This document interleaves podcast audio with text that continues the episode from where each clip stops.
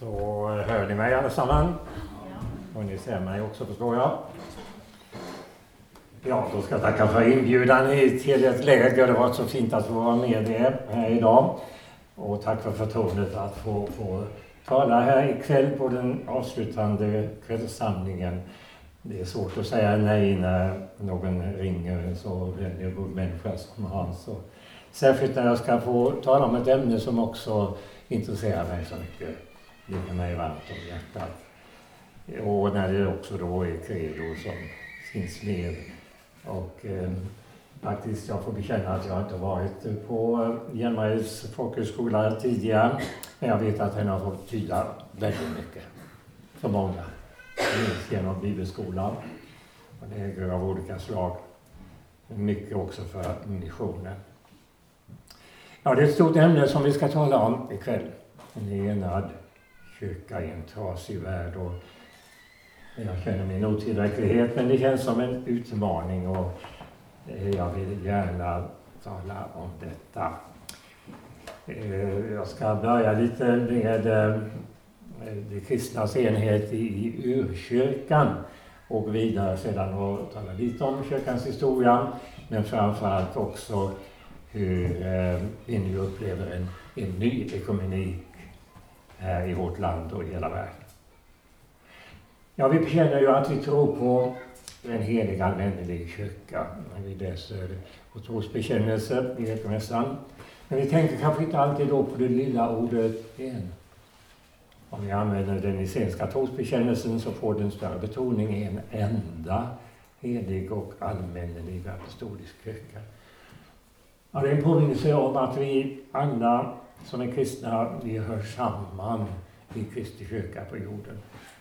Det är alltså inte så att eh, kyrkan skulle vara eller bli en enda kyrka. Det är det redan från början.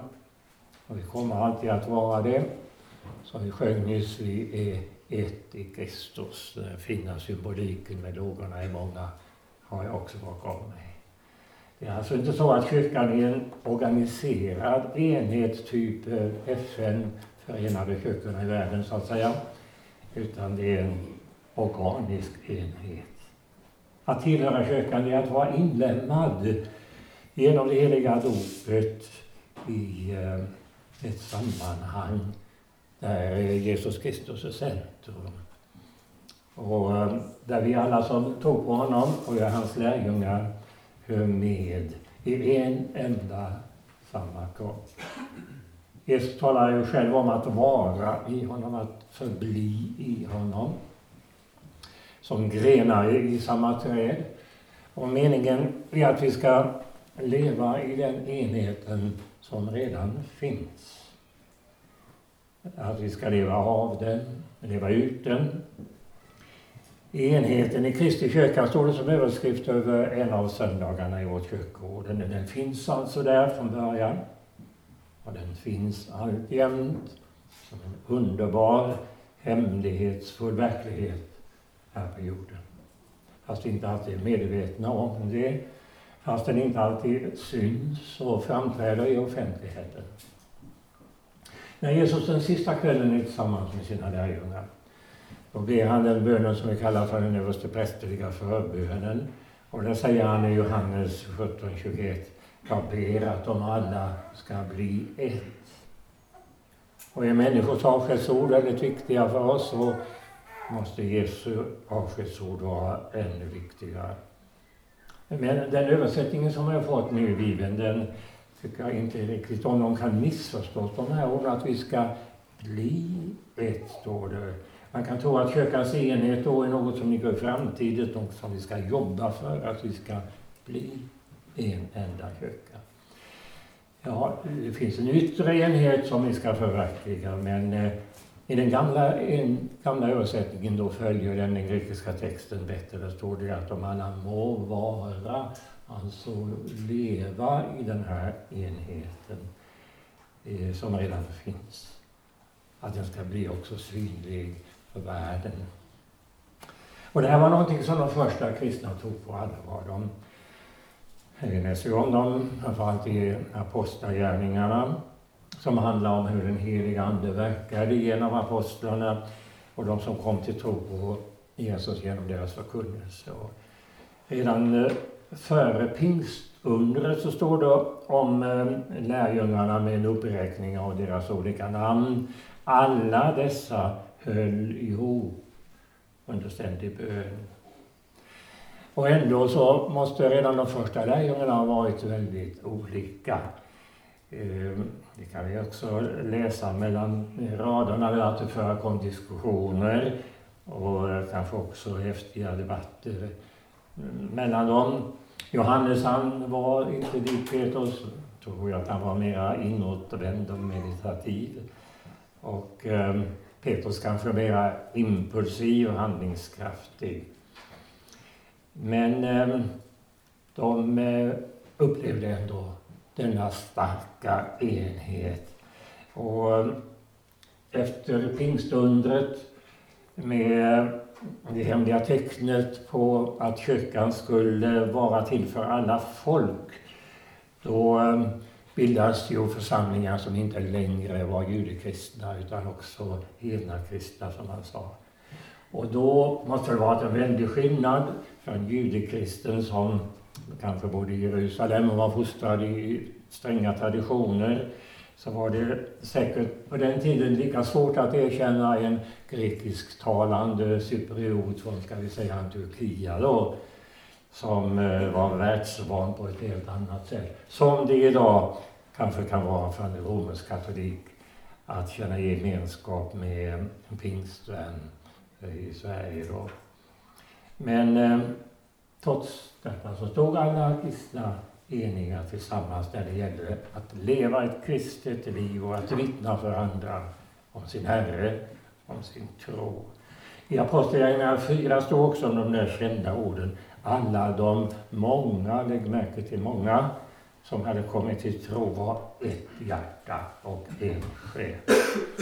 Aposteln Paulus betonar ju gång på gång i sina brev, framförallt i breven till församlingen Korint, hur viktigt det är att alla kristna är överens och inte delar upp sig i läger utan står eniga i tankar och åsikter. Fast vi som kristna är olika, har olika gåvor, så är vi alla samman, säger han, som lämnar en och samma kropp. Och Petrus skriver, som vi hörde i morse också, att vi är ett husfolk, en stor församling. Levande stenar i ett tempelbygge. I Askim, där jag var präst, präst, hade vi en kyrka som var byggd med tegelstenar när de började lossna och falla ner. Och vi tänkte att det inte är riktigt så vi ska förstå bibelordet. Ja, det som också bidrog till att förena alla kristna i romarriket, det var att många fick utstå förföljelse och många fick gå i döden för sin tro. Det om något skapade en hemlighetsfull sammanhållning i, i fiskens tecken, en symbol som man använde för Kristus, men förkortning för de grekiska orden Jesus Kristus, Guds son, frälsare. Alla bekände sin tillhörighet till en och samma Herre, tog del i samma gudstjänst, lyssnade, satte sin tro till orden i Bibeln, förenades i en helig måltid. Det var en församlingsgemenskap över alla gränser. Hur gick det då sedan med enheten mellan alla kristna under kyrkans 2000-åriga historia? Ja, Jesus visste ju att han sände ut sina lärjungar i en trasig värld där de skulle få möta svårigheter, påfrestningar av olika slag.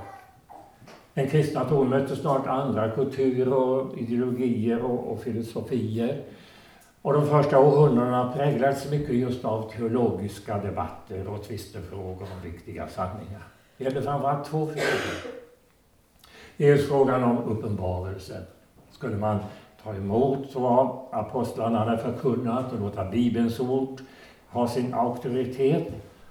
Eller skulle man lita till eh, människans egen subjektiva tankeförmåga och låta det vara upp till var och en att att bestämma hurdan den Gud skulle vara som man skulle sätta sin tro till. Enkelt uttryckt, låta Gud bli objekt istället för subjekt. Den filosofi som kom att kallas för gnosticism, av gnosis på grekiska, som betyder kunskap. Den andra frågan den gällde Jesus själv. För vem var han egentligen? Var han en slags blandning mellan Gud och människa på jorden, en gudamänniska som några menar? Eller var han Guds uppenbarelse på jorden och på samma gång en verklig människa, precis som en av oss? Båda de här frågorna de spökar ju också lika mycket i vår egen tid. Många menar ju att det är upp till var och en att tolka Bibeln som man vill och själv forma den bild av Gud som passar en bäst. Och då blir Bibeln inte längre ett levande budskap från Gud själv utan förvandlas till en bok med människors tankar om Gud. Och frågan om Jesus är lika aktuell. Många menar ju att han var en vis och from människa med goda tankar om hur vi ska leva tillsammans här på jorden, men inget mera. Jonas Gardell skriver så i sin bok om Jesus. Trots alla de här spänningarna under den första och första århundradena så kunde ändå den kristna kyrkan bevara sin enhet och formulera den i en tro på apostolisk grund på det stora kyrkomötet som hölls då 321 i Nicea. Och där fastställdes då bekännelsen om Jesus som sann Gud och sann människa. Och för kyrkans enhet spelade då kyrkoledare, som vi brukar kalla för kyrkofäderna, en stor roll. En av dem hette Cyprianus och var då eh, ledare för kyrkan i Tunisien på 200-talet. Eh, han är känd för ett uttalande som eh, anknyter till bibelordet om soldaterna som när Jesus korsfästes delade hans kläder mellan sig men fann att Hans livkläder var sydd utan sömmar, vävd i ett enda stycke, som det står. Och då skriver han, eftersom någon som hör till Kristus inte kan vara delade, delades inte hans livklädnad av dem som tog hand om den. Vävd i ett stycke alltigenom som den var odelbar. Vävd i ett visade den att vi alla har iklätt oss Kristus, utgör ett folk sammanknutet i harmoni. Genom hans klädnad proklamerades kyrkans enhet. Fina ord som jag ska återkomma till.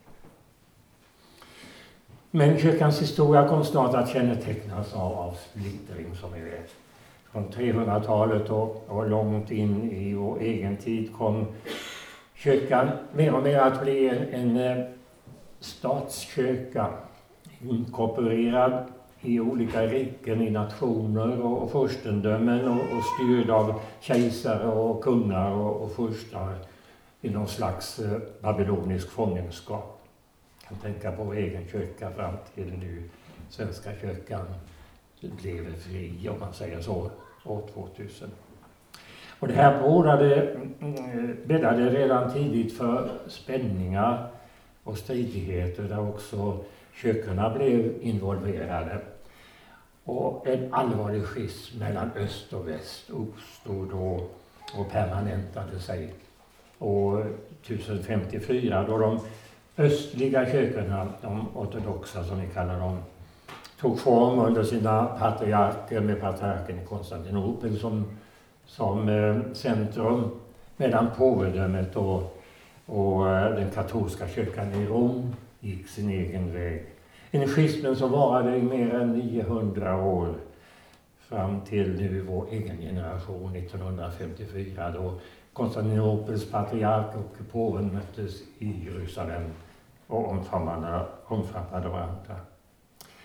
Ja, eh, det var ju en märklig splittring och många menade då att den, den östkyrkan då den symboliserade Johannes med den mystik som fanns hos honom.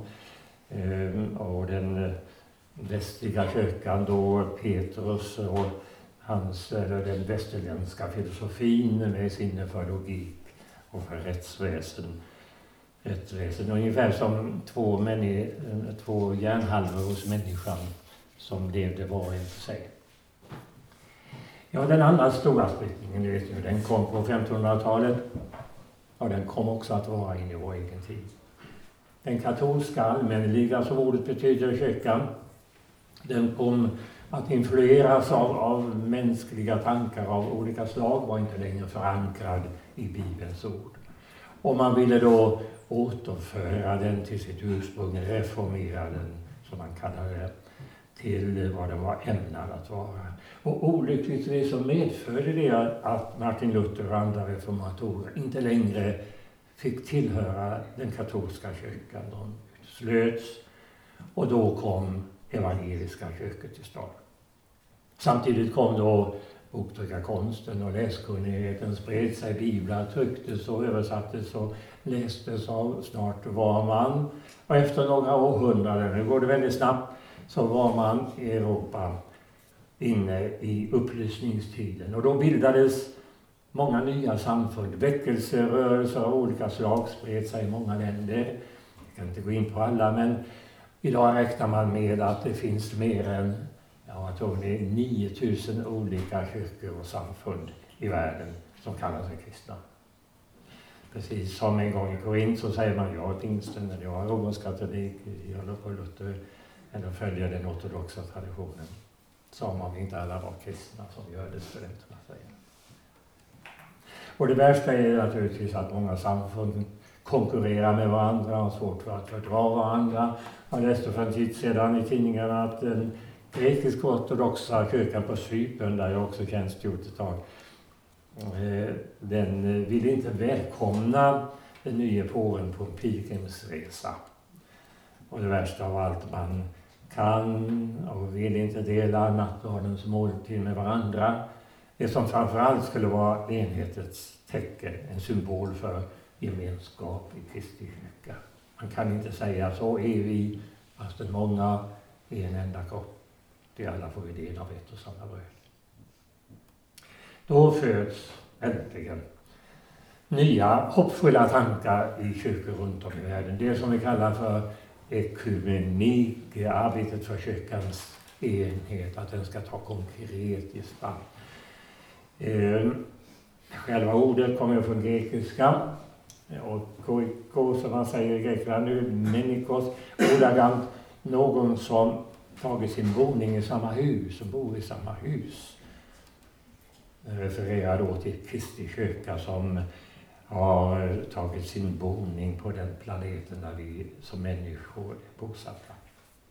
Och startpunkten kommer, det kan vi vara stolta över som svenskar, genom vår kyrkas ärkebiskop Nathan Söderblom som blivit känd och erkänd i hela världen för sin insats. Han eh, var en stor begåvning, hade internationell erfarenhet, talade flera språk, hade goda kontakter och samtidigt en otrolig arbets, arbetskapacitet.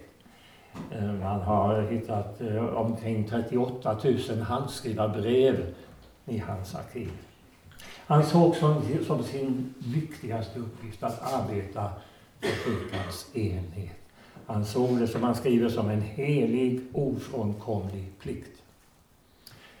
Och eh, då, eh, det var 1914, strax före det första världskriget, som han mycket oväntat blev Svenska kyrkans ärkebiskop.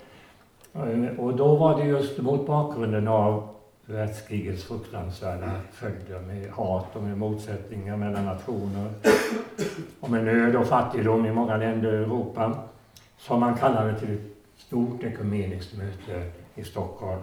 Det var 1925. Han fick då en mycket stark respons ifrån kyrkor över hela världen utom den romersk-katolska kyrkan. Han blev personligen brobyggare då till den, eller de ska vi säga kanske ortodoxa kyrkofamiljerna, till den anglikanska kyrkan och till många andra kyrkosamfund. Och han gav också Svenska kyrkan en ledande brobyggarroll för årtionden framöver. Och hans kyrkosyn smittade av sig till många kyrkor i världen. Men så kom då nästa världskrig och först efter andra världskriget kunde hans visioner förverkligas. Och då hade han överlämnat, han var ju död, och stafettpinnen till sin efterträdare med det fina namnet Erling Och nu är vi framme vid den tiden som jag själv har fått uppleva.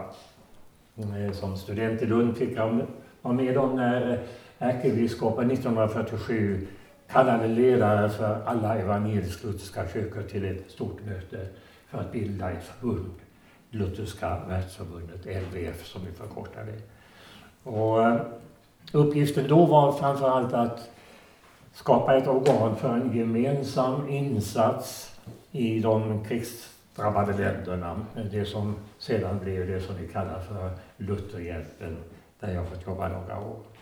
Och jag minns ännu från den heta sommaren 1947 hur kyrkoledare från särskilt Tyskland som inte hade varit utomlands på många år, från USA och Sverige satt där hemma i vår trädgård och filade på stadgar till Lutherska världsförbundet. Eh, året därpå, år 1948, så bildades också kyrkornas världsråd där också alla kyrkor utom den romersk-katolska gick samman. Men det dröjde inte heller länge förrän eh, också den grenen av kyrkan skulle se sitt ansvar. Och eh, då fanns det en påve som man inte räknade så mycket med, Johannes den 23. Han öppnade 1962 det som kallades för Andra Vatikankonciliet.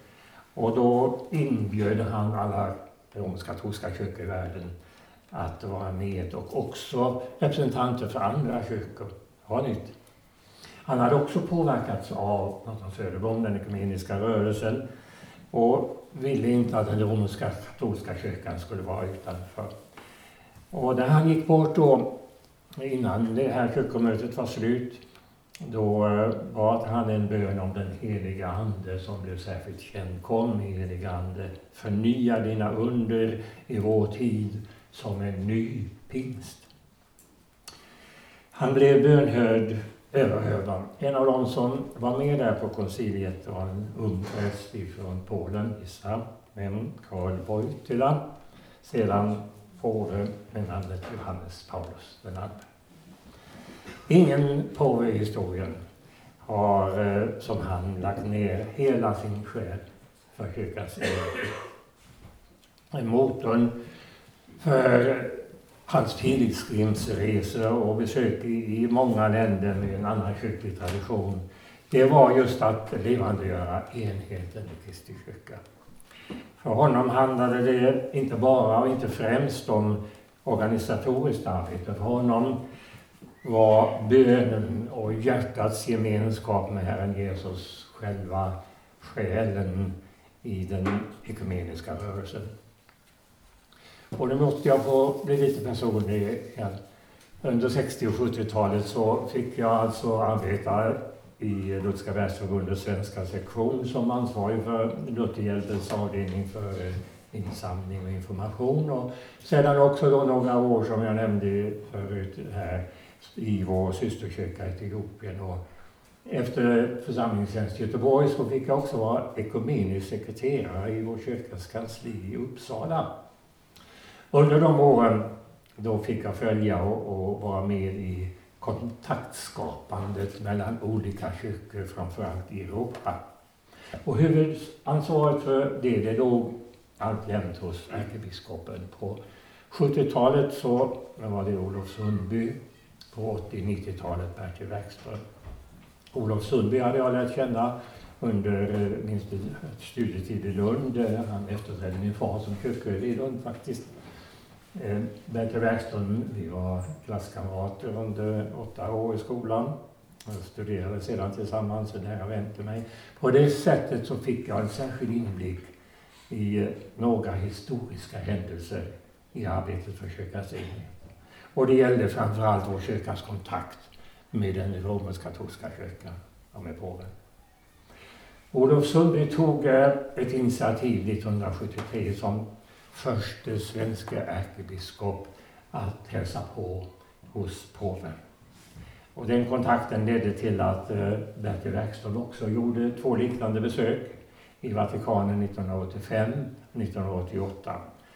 Och eh, då också inbjöd påven Johannes Paulus II att komma till Uppsala och fira en ekumenisk gudstjänst i Uppsala domkyrka. Han tackade ja. Och gudstjänsten den kom till stånd 1989. Också en historisk händelse. Det var första gången som en påve besökte Sverige och vår kyrka. Och i sitt hälsningstal så anspelade Bertil Werkström på några kända ord ifrån Nathan Söderblom i samma kyrka då vid, i samband med det här ekumeniska mötet 1925 då eh, han bland annat yttrade Johannes är här, han tänkte på de ortodoxa kyrkorna. Paulus är också här, han fick symbolisera de evangeliska kyrkorna. Men, sa han, Petrus dröjer på steget. Och då säger Bertil Werkström, nu är Petrus också här. Som ett bönesvar. Vi möts, sa han, i bön, i gudstjänst, i liv och arbete och i samtal om lära och kyrkoordning. Ja, en gudstjänst som om möjligt var ännu mer historisk. Den firades två år senare i Peterskyrkan i Rom i samband med 600-årsjubileet av den heliga vitras helgonförklaring. Och I den gudstjänsten deltog svenska och finska kyrkans ärkebiskop och de två katolska biskoparna från Sverige och Finland. Jag har, fått, jag har ett foto i mitt arkiv från en gudstjänst där påven sitter i mitten på sin katederstol, närheten av Petrus grav. Fantastiskt. Och så har han då i sin ena sida Bertil Werkström och i sin andra sida ärkebiskopen från Finland och sen de två katolska biskoparna. Ja, och flera andra svenska biskopar var också närvarande. Bertil Werkström predikade då över den heliga Birtas bön. Visa mig, Herre, din väg och gör mig villig att vandra den. Och vi alla som var med, vi upplevde då att vi var vid en milstolpe på kyrkans väg att synliggöra den enhet som finns i Kristi kyrka. Och några år senare så skrev också påven då sin berömda rundskrivelse på latin heter det Ut unum sint. Och just det är de orden, att de alla må vara ett. Och där känner han också andra kyrkor som systerkyrkor uppmanar alla medlemmar i sin kyrka att ödmjukt, som han skriver, bejaka och uppskatta de kristna värden som finns hos andra bröder och systrar. Ord som någon, ingen annan påve skrivit. Under 90-talet så fortsatte de här strävandena att förverkliga kyrkans enhet med Svenska kyrkan som initiativtagare. Och man nådde en eh, överenskommelse om samverkan då mellan anglikanska kyrkan och de nordiska och baltiska kyrkorna utom den lettiska som kallas för, som ni nog känner till, Borgårdgemenskapen. Och på samma sätt också en överenskommelse med de tyska evangeliska kyrkorna där man erkänner varandra på ett särskilt sätt. Och så fortsatte det på nationella planet också med samgående mellan Svenska kyrkan och Metodistkyrkan och Missionskyrkan, liksom mellan andra samfund. Och allt det här arbetet, det var naturligtvis viktigt om man kan säga epokgörande. Men det skedde på ett officiellt plan genom teologiska samtal, förhandlingar mellan representanter för olika kyrkor. Och i eh, en bok som heter Ny endräkt, vävd i ett enda stycke, så skriver, kanske ni känner hans namn, Peter Artman, kommunister här i närheten i Herrljunga, att eh, detta var mest att likna vid att sy ihop olika bitar i ett lapptäcke. Där finns det många sömmar och då finns också risken att några sömmar inte håller utan går upp. Och så har också hänt. Svenska kyrkan har under nya ärkebiskopar och genom beslut i kyrkomötet ofta dikterat vad som är politiskt korrekt förlorat mycket av den här ställningen som Svenska kyrkan haft som brobyggda kyrka. Och det gäller då framförallt frågor om äktenskap och samlevnad. Där man eh, försummat att ha den kontakten med systerkyrkor som man förbundit sig att ha. Och så har också den ekumeniska dialogen i, i många avseenden kört fast. Man har liksom hamnat i en återvändsgränd. Gränd där andra kyrkor ifrågasätter vår kyrkas trohet mot kyrkans lära och kyrkans herre. Och eh, den debatten som skett också i Svenska kyrkan om HBT-frågor och de beslut som har fattats de har före, den har föranlett både påven i Rom och kyrkoledare i de ortodoxa kyrkorna och i afrikanska systerkyrkor som ni vet att avbryta fruktbara samtal med Svenska kyrkan och till och med ställa frågan om vi kan ha predikogemenskap och nattvardsgemenskap. Då händer det, nu när jag närmar jag mig slutet, som ett svar på många böner, att en eh, ny slags ekumenik, som vi kan kalla för den nya andliga ekumeniken, växer fram. Och det är den som jag framförallt vill säga någonting om ikväll. För det är något mycket spännande och hoppfullt i vår tid.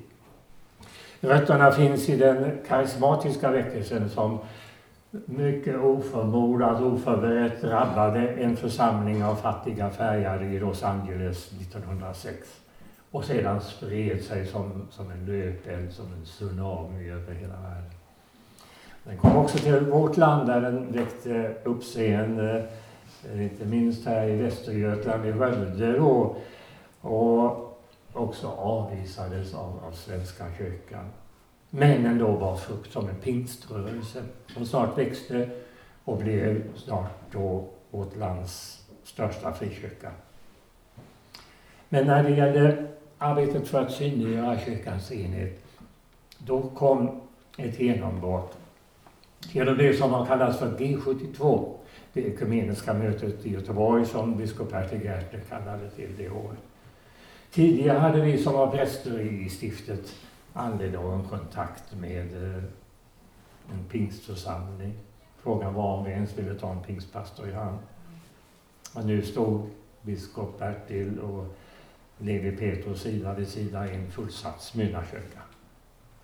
Och så kom då på 70-talet och 80-talet, det här minns ni, den, den andliga förnyelsen som kom att betyda så mycket för hela kristenheten i vårt land och för den nya ekumeniken.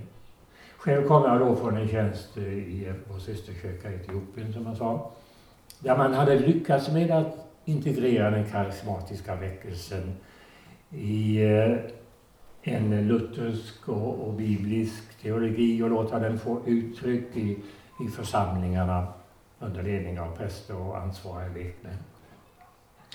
Och det som, det har inte då Svenska kyrkan här ännu förmått. Men, men nu fick jag alltså då till, till min stora förvåning uppleva i min egen församling i Askim, Göteborg, hur bönegrupper och husgrupper bildades, hur Andens gåvor som vi sjöng om kom i funktion, hur man bad för sjuka och fick vara med om helande. Hur kyrkan fylldes vid ekumeniska gudstjänster och vi fick ha emot profetiska budskap och man sjöng nya lovsånger.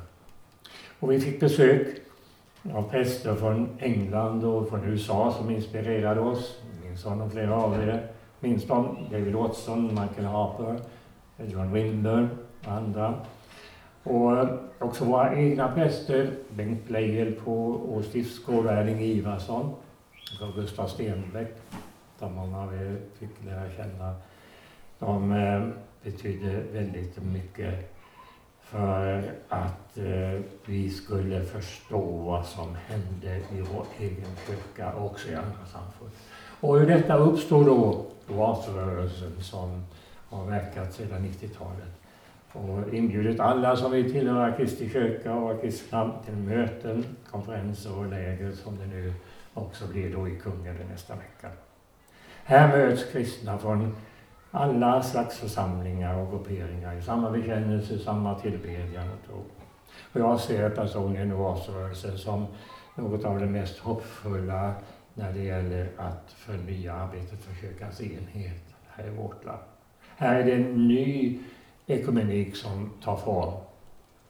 En som inte rör sig på det organisatoriska planet och tar sig uttryck i skrivelser och förhandlingar och dokument.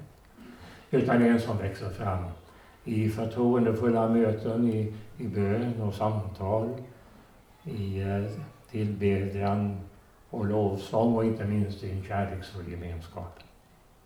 För att anknyta till Peter Altmans bild, det är inte ett lappverk som ska sys ihop.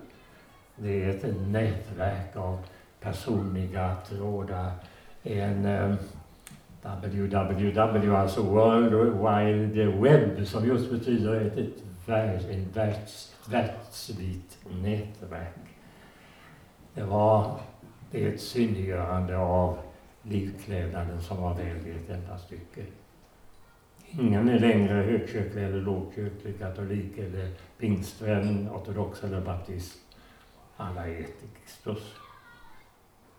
Och det finns många namn att lyfta fram och tacka Gud för när vi talar om den här nya ekumeniken som har tagit form i vårt land. Jag kan bara nämna några. Inspiratörerna då i Oasrörelsen, Berit Simonsson som varit här också, Hans Weichbrott, Lennart Henriksson. Biskopen i katolska kyrkan, Anders Arborelius, har betytt mycket. Ledarna i Pingstkyrkan, Stanley Sjöberg, Sten-Gunnar Hedin, Ulf Ekman, Petra Handorf, Hakan Långström, Karl-Erik Sahlberg, Elisabeth Sandlund, Göran Skytte, Ylva Eggehorn. Och det som är utmärkande för alla de där är att man finner varandra på ett personligt plan. Att man visar varandra kärlek och förtroende. Att man respekterar de skillnader som kan finnas mellan olika uttryck för tro och liv. Och att man också kan verka tillsammans och förenas i bön. Alla dessa hör ihop under ständig bön, stod det ju om de första kristna. Det finns nu eh, många andliga rörelser av olika slag i vårt land som samverkar för att åstadkomma en förnyelse av kyrkans enhet. I den katolska kyrkan finns det katolsk karismatisk förnyelse i Sverige som stöds av kyrkans ledning. Och i samband med millennieskiftet så började också en bönerörelse, en bönerörelse med representanter för flera samfund. Den började med att ta form i Göteborg där man samlades uppe på ett böneberg. Och det har nu blivit Sverigebönen då som i år kunde genomföras inte mindre än 170 av våra 250 kommuner tror jag vi har i vårt land. Och samtidigt så kom också Jesusmanifestationen som ett uttryck för kyrkans enhet där eh, hela samfundsbredden har varit representerad i Stockholm med tiotusentals deltagare. Och den börjar nu också sprida sig över vårt land. Och ekumeniska pilgrimsvandringar har också kommit till stånd.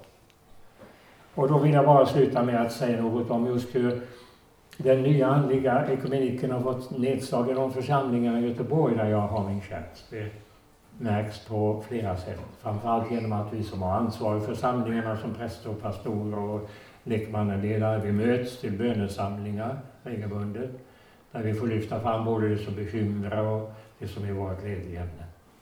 Vi vill också manifestera vår gemenskap med en korsvandring på långfredagen i Göteborg genom ekumeniska pilgrimsvandringar. Vi samlas framförallt under böneveckan för kristen enhet i januari till gemensamma gudstjänster. Vi upplåter också våra kyrkor för alla som vill eh, fira gudstjänst där. Och det gäller framförallt invandrare som kommer till oss, som ofta är väldigt starkt förankrade i sin kristna tro, kanske också fått eh, utstå mycket prövningar för den, men eh, kanske inte har några egna lokaler att samlas. Jag tror det är väldigt eh, viktigt att eh, kristna invandrare kan eh, få integreras också med oss som är kristna i olika kyrkor och samfund. Det är något som vi behöver arbeta för. Och detta att vi är olika, europeer, afrikaner, invandrare från Mellanöstern eller Filippinerna, katoliker, ortodoxa eller protestanter, det ska inte lägga hinder i vägen för vår gemenskap. Meningen är ju att Kristi kyrka ska vara ett tecken för världen, ett tecken på hur Gud har tänkt det med hela mänskligheten, som ett folk där det visserligen finns yttre olikheter, men där det finns en inre gemenskap som inte går att ta miste på. Som bottnar i att vi alla är skapade av Gud, älskade av honom, upptagna i hans kyrka, inlemmade i Kristus Jesus. I det ekumeniska arbetet talar vi ofta om enhet i mångfald. Vi ehm, eh, får se våra olikheter som en rikedom och lära av varandra. Vi ska inte behöva kompromissa med vår egen identitet och övertygelse. Tvärtom, Berit Simonsson säger det väldigt fint. Hon säger det handlar inte om att utplåna den egna traditionen utan att vara trygg just i den. Då kan man smaka av andras och också bjuda på sitt eget goda i gengäld. Ju mer vi finner vår egen identitet och integritet, desto mer och desto lättare kan vi känna oss fria att vara tillsammans med andra kristna. Meningen är inte att vi ska åstadkomma någon yttre enhet genom att blanda samman alla samfund till en enda röra som jag, ungefär som jag gör en omelett där hemma och vispar ihop lite lägg och mjölk och, och, och salt och mjöl, när det kan vara. Utan att vi eh, tillsammans ska vara en, en mosaik, skulle jag vilja säga. Där varje sten är olika och lyser med sin egen kraft, sin egen färg, men just därför passar in i helheten. Tillsammans ska vi vara en avbild av Herren Jesus själv som gör honom synlig i världen så att människor kan tro. Vi har ju en gemensam nämnare, vår Herre Jesus Kristus själv. Och ju närmare vi kommer honom, ju mer vi lever i hans gemenskap och efterföljd, desto närmare kommer vi varandra som ekrarna i ett hjul som är förankrade i navet som ett centrum. Och allra sist, när vi håller samman så, i kärlek och gemenskap, tjänar våra medmänniskor med eh, Jesus som förebild, då kan det också bli ett vittnesbörd för andra.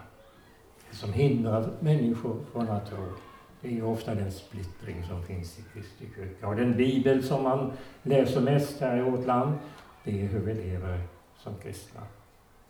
När kristna har svårt att ha jämnt, när de ser snett på varandra, till och med förtalar varandra, bekämpar varandra, då är det inte lätt för människor att tro på det kristna budskapet. Jesus säger ju själv i sitt avskedstal till sina första lärjungar att kärleken ska vara deras kännemärke. Och det var just vad som hände under den första kristna tiden. Kärlek och sammanhållning som fanns bland de första kristna det var ett vittnesbörd för alla som såg dem. Se hur de älskar varandra. Så. Och de som forskar i kyrkans historia, de menar också att det inte i första hand var de stora apostlarnas förkunnelse som eh, betydde så mycket, som utövade en sån dragningskraft på människor. Att de blev fler och fler som kom till tro, utan just det kristna sätt att leva. Och så är det alltjämt. Vi kan komma med uttalanden och proklamationer. Vi kan möta upp till stora ekumeniska möten. Vi kan samlas i husgrupper och bönegrupper. Men eh, se hur man verkar i Sankta Clara i Stockholm. När vi tar oss an dem som vi möter i vår vardag och vår närhet. När vi räcker en hjälpande hand till någon som har det svårt. Då gör vi Kristus synlig och den enhet vi har i honom genom kärlekens sammanhållande band. Det får vi inte glömma.